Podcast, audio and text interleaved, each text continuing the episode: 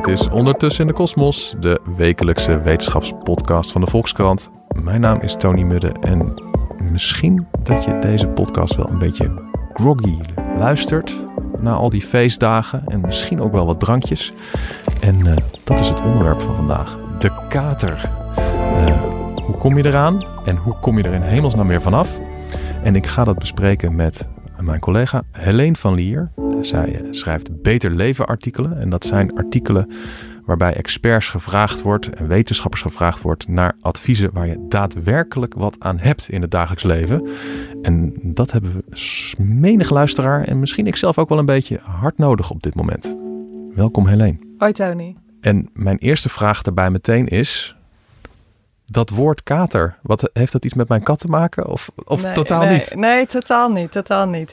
Nee, um, uh, ik heb dat wel even, even opgezocht, uh, waar dat nou vandaan komt. Komt echt van uh, uit 1850, is dat ooit door Duitse studenten opgeworpen als, oh. als term. Komt uit het Oud-Grieks eigenlijk van het woord katar, wat iets betekent als van omhoog naar beneden druipen. Mm -hmm. En het wordt nu nog steeds wel gebruikt in Duits, ook in het Nederlands trouwens als medische term voor een um, uh, slijmvliesontsteking. Waarschijnlijk heeft dat, um, nou ja, is dat populair geworden onder uh, Duitse studenten uh, als term, omdat het ook de naam was van een oud biertje, nog echt 100 jaar daarvoor of zo. En die, die is zelfs gequote als een heel gevaarlijk biertje. Aha, dus, uh, ja. Um, ja. of, of, of ze in dat citaat bedoelde dat je daar gigantische katers van kreeg, dat, uh, dat is niet bekend, maar uh, wellicht. Dus het heeft gewoon niks met katten en poezen te maken. Absoluut dat hele niet. woord niet. Nee, Oké, nee. dan, dan, hebben we die alvast duidelijk op tafel. en dan, ja, um, ik denk dat menig een het gevoel wel kent van een kater. Dan voel je je niet al te best. Maar wat gebeurt er eigenlijk in je lichaam op zo'n moment? Nou, ja, misschien is het dan interessant om eerst ook even de, de definitie van de kater um, uh, vast te stellen. Want ja. uh, er was altijd, uh, nou ja, weet je het is hoofdpijn, een beetje dorst en dat soort dingen. Maar er is nou een, um, een alcohol hangover research group. Die dachten, we hebben echt een strakke definitie nodig als we ook echt de, deze, de kater... Deze naam van deze groep moeten we even herhalen. Dit is de... De Alcohol Hangover Research Group. Die bestaat gewoon. Ja, dat is een internationale groep. Ja. Ze zijn ruim tien jaar bezig. En het is, um, ik weet niet of dat toeval is, onder leiding van een Nederlander, um, uh, Joris Verster van de Universiteit Utrecht. En die dachten, hey, er is zo weinig uh, onderzoek gedaan naar alcohol. Laten we eens um, samenkomen met internationale onderzoekers. ze organiseren symposia over de kater, uh, noem maar op. nou, en deze groep dacht, hey, we hebben een strakke definitie nodig. En die zal ik even citeren. Dat is de combinatie van negatieve fysieke en mentale symptomen die kunnen worden ervaren na een enkele episode van alcoholgebruik. Mm -hmm. Beginnend, en dat is belangrijk, wanneer de bloedalcoholconcentratie nul nadert. Want daarvoor is het gewoon nog het uh, effect van alcohol in je lichaam. Oh ja, ja. Um, nou, en dan heb je de symptomen natuurlijk um, die bekend zijn. Uh, hoofdpijn, uh, dorst, wat we mogelijk onze luisteraars nu ervaren. Maar um, het is, uh, is, ook concentratieproblemen, uh, duizeligheid, uh, misselijkheid, apathisch gevoel, moeheid. En dan, um, dat is allemaal nou, ongeveer 90% van de mensen die wel aangeeft dat regelmatig te ervaren bij een kater.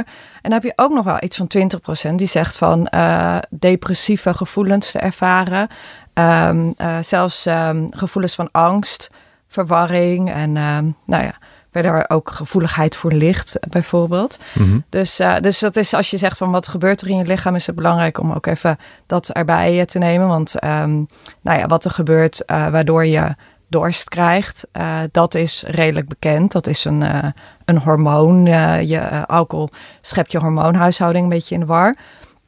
En dan is er ook zo'n hormoon dat um, nou ja, je vochthuishouding controleert, reguleert. En um, ja, die wordt aangetast door alcohol, dus uh, daardoor of in de war geschopt. Dus daardoor ervaar je uh, die dorst.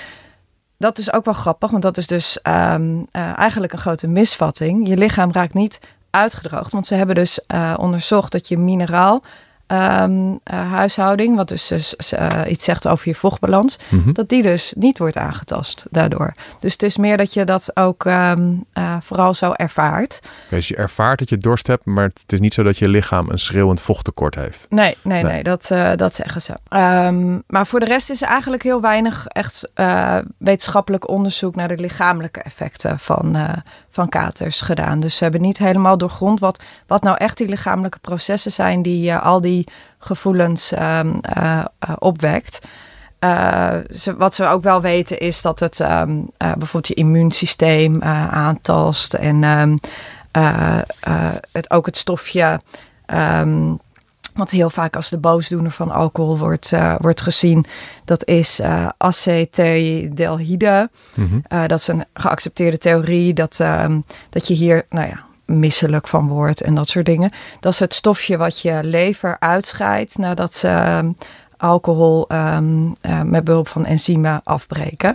Ja, dus een Dus, soort stofje eh, dat je lever afscheidt om die alcohol te kunnen verwerken. Ja, en dat komt dan. Dat eh, zorgt voor d- misselijkheid. Dat komt dan in, in je bloed en zo. Ja. Maar ja, dus wat het gekke is, waardoor ze dus zeggen van nou, we weten eigenlijk niet eh, wat de invloed van dat stofje nou is op de kater, is dat het eigenlijk alweer uit je bloed is als de kater op zijn hoogtepunt is. Dat is ongeveer 12 tot 15 uur Oh ja. ehm, eh, nadat je eh, hebt gedronken, nadat, nee, nadat de alcohol uit je bloed is verdwenen. Ja. Dus, ehm, want dat gaat redelijk snel. Voor één glas heb je anderhalf uur eh, nodig. Mhm. Dus ja, dat weten ze ook niet ehm, eh, of dat nou ehm, echt de oorzaak is wat voor, eh, voor die ellende zorgt. Maakt het eigenlijk nog uit wat je drinkt? Of je een kater krijgt of niet? Ja, daar, dat is wel onderzocht. En eigenlijk hoe meer toevoegingen erin zitten, hoe erger de kater kan worden. De kater van bijvoorbeeld tequila was eh, erger ehm, dan, dan van alleen eh, pure wodka. Oké, ja, ja. En, en, en, en ik herinner me ook zo'n gezegde, mm, moet ik het goed zeggen? Wijn na bier geeft plezier, maar bier na wijn geeft venijn. Ja. Dat, dat, heeft, dat, van, Nee. dat is dan erger voor een kater of zo. Ja, ja, maar dat blijkt dus eh, totaal niet te kloppen. Het is ook, eh, dat is ook echt onderzocht. Ehm, eh, en, en daar hebben, eh, hebben ze dat uitgeprobeerd, wetenschappers. En dat bleek dus niet dat er een kater eh, verschil zat. En eigenlijk ook komt het spreekwoord ehm, helemaal, is, is helemaal verkeerd gebruikt. Want het komt... vroeger was het, ehm, een, het was een oud-Hollands spreekwoord. En het ging over melk. Melk. Melk op wijn, dat is venijn. Maar wijn op melk is goed voor elk. En dat ging he- helemaal niet over wat je naar wat kon drinken. Maar dat ging over dat als je eh, eerst melk dronk en daarna wijn... dat je dan dus meer vermogen had opgebouwd om de dure drank wijn te drinken. En dat als je eerst wijn dronk en dan melk... ja, dat betekende dat je je vermogen was kwijtgeraakt. Ah, dan was er alleen nog maar dat goedkope melk voor je. Precies. Daar komt die uitdrukking vandaan. Op een Ja. gegeven moment is melk dan in bier veranderd. Ja, Ja, Ja. oké. Interessant. Ja. Dus medisch gezien, sommige dingen duidelijk, sommige dingen nog wat, wat mysterieus. ja. En dan is er iets bekend over, ja, de, de, de verkater is toch vaak iets waar je ook een beetje lacherig over wordt gedaan. Maar ja, Ja, ja. nou, als er, er zijn toch redelijk wat mensen die veel drinken. En wat voor impact heeft dat dan op de maatschappij als toch ook redelijk wat mensen met katers rondlopen? Ja. ja, want dat zegt ook bijvoorbeeld, eh, dat zegt ook Joris Verster, is een van zijn ehm, stokpaardjes. Dat hij zegt van ja, je kunt er wel ehm lachen over doen. Je kunt ook zeggen van. Eh, joh, waarom zouden we al dat onderzoek doen naar die lichamelijke effecten van, eh, van de kater? Want je hebt het toch zelf veroorzaakt. Ja, Maar ehm, eh, ja, uiteindelijk, het is onze nationale lievelingsverslaving. 80% van de mensen drinkt. En ehm, de effecten van, van alcohol en de kater ook op de maatschappij zijn best wel groot. Er zijn verschillende onderzoeken naar gedaan naar de, de kosten ervan. Door ehm, eh, absentie op werk en door verminderde productiviteit. ja. En uit een RIVM-rapport, volgens mij uit 2019, kwam dan een getal van 1,7 miljard eh, euro per jaar. Eh, alleen al eh, daardoor. En dan zegt, zegt die Verster ook nog van ja, dan moet je ook nog nadenken. Ehm, heel veel mensen stappen gewoon de auto in als ze een kater hebben. Mhm. Nou ja, als je die symptomen langs gaat die ik net heb genoemd, ja, is het dan verstandig om de auto in Dan te zit je stappen? eigenlijk gewoon versuft in de auto. Ja, Je bent suf, je hebt sle- slechte concentratieproblemen. ja. Dus eh, in, in, die, in die cijfers over alcoholgebruik van de, dat 10% of zo van de, alcohol, van de ongelukken ehm, met alcohol te maken heeft, ja, daar zitten die katercijfers eigenlijk niet in. Want ja, dan zit er geen alcohol meer in je bloed. En als je dan, ik bedoel, eh, iedereen weet dat het niet fijn voelt. Uh, nou, dan hebben we nu dus ook een gevoel bij wat gewoon de maatschappelijke impact daarvan is. Dan zou je denken van, en volgens mij hebben veel mensen dat ook als ze een kater hebben, dat ze dan op dat moment zeggen, ik ga echt nooit meer drinken. Ja. En doen ze heel, dat? heel herkenbaar. Maar, doen, doen ze eh, dat dan ook nooit? Nee, nee. Nee, Niet? het grappige Oké. is, ja, daar zijn dus ehm, ehm, meerdere, eh, dus de sociologische onderzoeken naar alcoholgebruik zijn, zijn er wel eh, regelmatig gedaan. Eén onderzoek eh, stelt, die ging eigenlijk al meteen de volgende dag peilen van, ehm, eh, heeft het al, eh, drinken ze dan dezelfde dag zelfs al eh, minder. En ehm, eh, het had geen invloed op hun beslissing, ga ik de volgende dag als er weer een feestje is, ehm, bijvoorbeeld wel of niet drinken, dan was dat meestal wel. Alleen dan had het wel effect op hoeveel ze dan dronken. Dus dan dronken ze wel minder. Oh, ja. Maar weer een ander onderzoek dat later is Dus gedaan. mensen worden wakker en zeggen ik ga nooit meer drinken. Ja. En dan zeggen ze die avond ik ga iets minder drinken. Precies. Dan, eh, ja, ja. of dan smaakt het ze gewoon iets Ja. minder of zo. Ze zeggen trouwens eh, wel ehm, eh, ja, dat je lichaam toch echt wel twee dagen nodig heeft om, om te herstellen. Dus, ehm, dus het is niet verstandig, maar het wordt dus wel gedaan.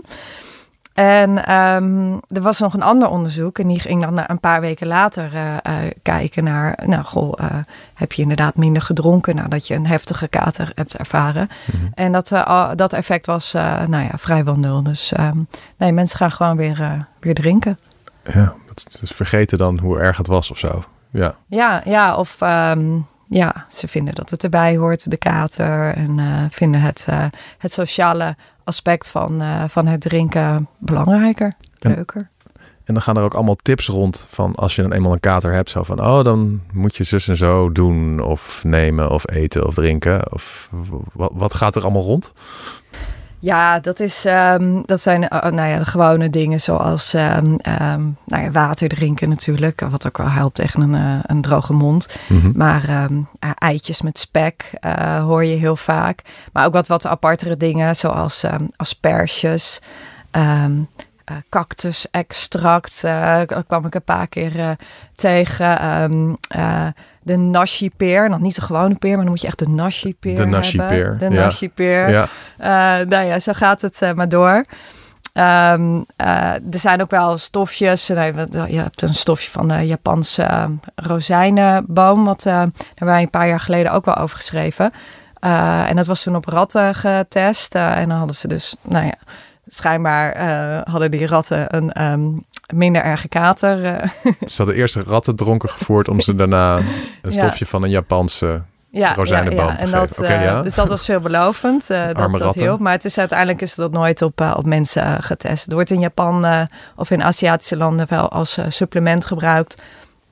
Om bijvoorbeeld je lever wat, wat te ondersteunen. Maar ehm, ja, het is ook niet het wondermiddel dat, dat de kater ehm, doet verdwijnen. En is er ergens wetenschappelijk bewijs dat wat dan ook wel helpt tegen een kater? Nee, nee, helaas. Het wondermiddel eh, is, eh, is dus nog niet gevonden. Ehm, waar echt eh, hard wetenschappelijk bewijs voor is. Ehm, ja, nee, dat is er gewoon nog niet. Wat, Oké, dus, dus eigenlijk is er maar één, één remedie en dat is niet drinken. Of mag je wel een beetje drinken? Is er een bepaalde hoeveelheid drankjes waarbij het goed of niet goed gaat of zo? Nou, nee, nee. Dat, dus dat is ook wel, eh, dat is ook wel grappig. Daar hebben ze ook al onderzoek naar gedaan. Die ondergrens voor de, voor de kater, die ehm, eh, varieert heel erg per persoon. Ehm, eh, en dat, dat, ze hebben ook niet kunnen vaststellen dat het voor een bepaalde persoon is. Als je bijvoorbeeld veel drinkt, Mhm. dus gewenning, dat je dan minder eh erge katers krijgt. Of dat mannen eh erge katers krijgen. Of in een bepaalde leeftijdsgroep. Daar is ook allemaal helemaal geen eh, bewijs voor. Ja, Dus iedereen kan getroffen worden. En het kan al vanaf nou ja, een paar glazen tot aan ehm, eh, een heleboel drinken. oh ja. Ja, dus eigenlijk is de beste manier om zeker te weten dat je geen kater krijgt, is toch gewoon niet drinken. Niet drinken, ja. Ja. ja. En eh, ja, en laten we voor de volledigheid dan ook maar even dat niet drinken. Want we beginnen het mm, al bijna aan dry January. Eh, waarvoor is alcohol ook alweer allemaal niet goed? Wat laten we toch maar even op een rijtje zetten. Ja, nou ja, de uh, deskundigen zeggen eigenlijk unaniem: um, het grootste risico is, kanker. Um, we hebben mondkanker, keelkanker, slokdarmkanker darmkanker, borstkanker, allemaal verhoogde risico's. Mm Daarnaast aandoeningen aan um, je hersenen, um, aan je maag, hart- en vaatziekten. Dus um, uh, ja, best wel veel, veel negatieve consequenties uh, van alcoholgebruik. En dat zijn allemaal lange termijn effecten op je lichaam. Op korte termijn is is het uh, ja, vooral het hoge risico op, uh, op alcoholongelukken, uh, ongelukken met, met bijvoorbeeld agressie, huiselijk geweld. Um, ja, dat soort negatieve effecten zijn allemaal door alcoholgebruik. Ja, als je het zo op een rijtje zet, dan denk je van, zijn die voordelen van alcohol dan hoog, zo hoog dat het toch blijkbaar opweegt tegen dit allemaal, deze lijst? Ja, ja, ja, schijnbaar. Want ja, toch 80% uh, drinkt regelmatig. Dus, uh. 80% van de Nederlanders. Ja. ja. En ja, zo'n dry January die nu aanbreekt, uh, wie heeft dat ooit bedacht en waarom? Nou, het is um, uh, eigenlijk uh, van origine een, een Britse campagne. door, door een stichting die um, nou ja, vermindering van alcoholgebruik wil bevorderen. En er was een dame en die we gingen marathon lopen. En, en die zei van, oh ja, ik, ik wil even stoppen met drinken. Dus die dacht, hé, hey, uh, laten we er een soort van campagne omheen uh, maken. Om dat, om dat samen te doen, want samen werkt dat toch beter. En um, nou ja, dat sloeg aan. Um, uh, volgens mij het eerste jaar sloten zich daar 4000 mensen bij aan. Het was in 2013. En um, nou, vorig jaar dus tienjarig bestaan daarvan. En waren het in Groot-Brittannië al 9 miljoen mensen. Dus uh, het is ook omarmd door het ministerie van Volksgezondheid. Gewoon miljoenen mensen doen daar aan mee. Ja, ja en dit gaat uh, over Groot-Brittannië. In ja. Nederland zijn er minder um, duidelijke cijfers. Je hebt daar eigenlijk de Nederlandse spin-off, heet dan Ik Pas. Maar nou ja, jij zegt ook al dry January, uh, dat Ik Pas is niet echt, echt ingeburgerd. Volgens mij waren dat 40.000 mensen of zo die zich daarbij hebben aangesloten. Dan heb je een app en een website, kun je elkaar op een forum een beetje stimuleren. En krijg je tips via de app en zo. Maar ja, de meeste mensen doen het natuurlijk gewoon uit zichzelf of met een groepje vrienden. Zonder dat ze zich ergens inschrijven. Ja, precies. Ja. Dus die getallen die zijn in Nederland waarschijnlijk ook veel, uh, veel hoger um, van mensen die eraan meedoen. Mm -hmm. Dat um, volgens mij had NOS uh, onder andere bij Koninklijke Horeca Nederland vorig jaar gevraagd. En um, die zeiden gewoon dat, dat, dat horeca-ondernemers echt een effect merkten ja. in januari ervan. En, uh, en ook uh, de verkoop van uh, alcoholvrije alternatieven nam toe. Dus ondernemers merken, merken dat het. echt, ja. ja. En die mensen die meedoen aan Dry January, wat, wat hebben ze daar zelf aan? Een maand niet drinken? Um, nou, de, de Jelinek-kliniek stelt, dat is de kliniek voor verslavingszorg Stel dat er meer bewustzijn komt over je alcoholverbruik. En je leert patronen te doorbreken. Um, en ja, zes maanden na deelname heeft nog 30%, um, is er 30% minder alcoholgebruik bij de, bij de deelnemers. Oké, okay, dus, het, dus voor een deel van de mensen die, ja, die gaan dan wennen aan een minder alcoholleven. Ja. Het sluit een soort nieuw gezonder patroon in en dat houdt dus ook stand. Ja. Ja, want, want tijdens die maand zegt ook 60% dat ze zich fysiek um, en mentaal beter voelen.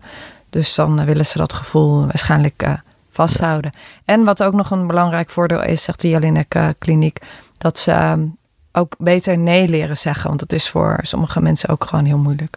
Ja, want hoe doe je dat? Je staat in die voetbalkantine, of waar je dan ook staat. En dan zeggen mensen ook, wil je ook wat, uh, een biertje of een wijntje? En dan, dan, en dan zeg je ja. nee. En dan zeggen ze, ah joh, doen even gezellig. En, ja, en ja. dan? Hoe... Ja, dat kan, dat kan heel lastig zijn. Uh, we hadden een keer uh, een interviewtje hierover met schrijver Jan Heemskerk. Die is ook al lang gestopt. En die zei van dat mensen vroeger echt bijna agressief konden reageren erop. Omdat ze... Um, ja, eigenlijk daarmee geconfronteerd worden met uh, hun eigen slechte gedrag. Oh, ja. um, wat wat een, een, een coach uh, die we ook een keer hebben geïnterviewd uh, daarover zegt. Die, een, een coach die heet Petra Moes. Die geeft trainingen hoe je dus kunt leren minder te drinken. Of te stoppen met, met de alcohol helemaal. Die zegt, um, ja het helpt wel echt als je van tevoren goed bedenkt, waarom wil ik eigenlijk minder drinken? Weet je, is dat voor je gezondheid? Wil je afvallen? Wil je een beter voorbeeld voor je kinderen zijn? Ehm, ik zeg maar wat. En als je dat in je hoofd houdt, dan sta je ook sterker in je schoenen om nee te zeggen. En helemaal als je van tevoren bedenkt hoe je dat wil, wil formuleren. Dan is het misschien ook wel goed om, nou ja, om niet te, meteen te zeggen tegen je uh, kameraden in de voetbalkantine van... Uh, nou, omdat je mondkanker, slokdarmkanker en uh, dat soort dingen krijgt. Maar ja. je probeert dat een beetje bij jezelf te houden. Van ik, uh, ik wil werken aan mijn gezondheid bijvoorbeeld. Weet je wel, dan, dat blijft denk ik uh, iets gezelliger. Ja, goeie. Is, ja. het, is het iets voor jou, Dry January? Of totaal niet? Nou, ik zie wel veel vrienden doen er, uh, doen er wel aan mee hoor. Maar ik ben altijd wat dat betreft een beetje de, de vreemde eend in de bijt. Dat ik uh, gezegend ben dat ik niet het verslavingsgen heb. Ja. Dus uh, ik heb die stok achter de deur eigenlijk niet zo, is niet zo nodig. Als ik denk van nou, ik um, drink even niet, dan hoef ik daar geen collectieve afspraken over te maken. Of um, weet ik veel wat. Dus ik heb daar gewoon niet zo moeite mee om om tijdelijk niet te drinken. Of, uh... Je hebt ook niet het katergen? Dat wel, ja. Dat wel, oké. Okay. Ja, ja, ja. Misschien dat het voor mij wel samenhangt met, uh, met mijn uh, toekomstige beslissing hoor. Want oh, ik denk toch wel eens op de avond zelf aan de kater erna. Ja, ik ben gewoon vreselijk misselijk. Oh ja. Dus en daardoor kan ik helemaal niks meer. Dat, nee, en dat vooruitzicht, dat belet mij persoonlijk wel tot buitensporig alcohol gebruik. Oh ja, ik heb, ik, ik heb zelf, want ik ga volgende week de halve marathon van Egmond lopen. En tot die tijd ga ik dan in ieder geval niet drinken. Omdat ik toch het idee heb van ja, dan ga ik gewoon, ga er vast, ik ga er in ieder geval niet beter van rennen of zo. Nee, nee, zeker niet. Oh, dat is dus jouw uh, stok achter dat de deur. Dat is mijn stok achter de deur, ja. Dit was Ondertussen in de Kosmos, de wekelijkse wetenschapspodcast van de Volkskrant. Grote dank aan mijn gast van vandaag, Helene van Lier. En de volgende keer zijn we weer met een geheel nieuw onderwerp. Mijn naam is Tony Mudde. Graag tot dan.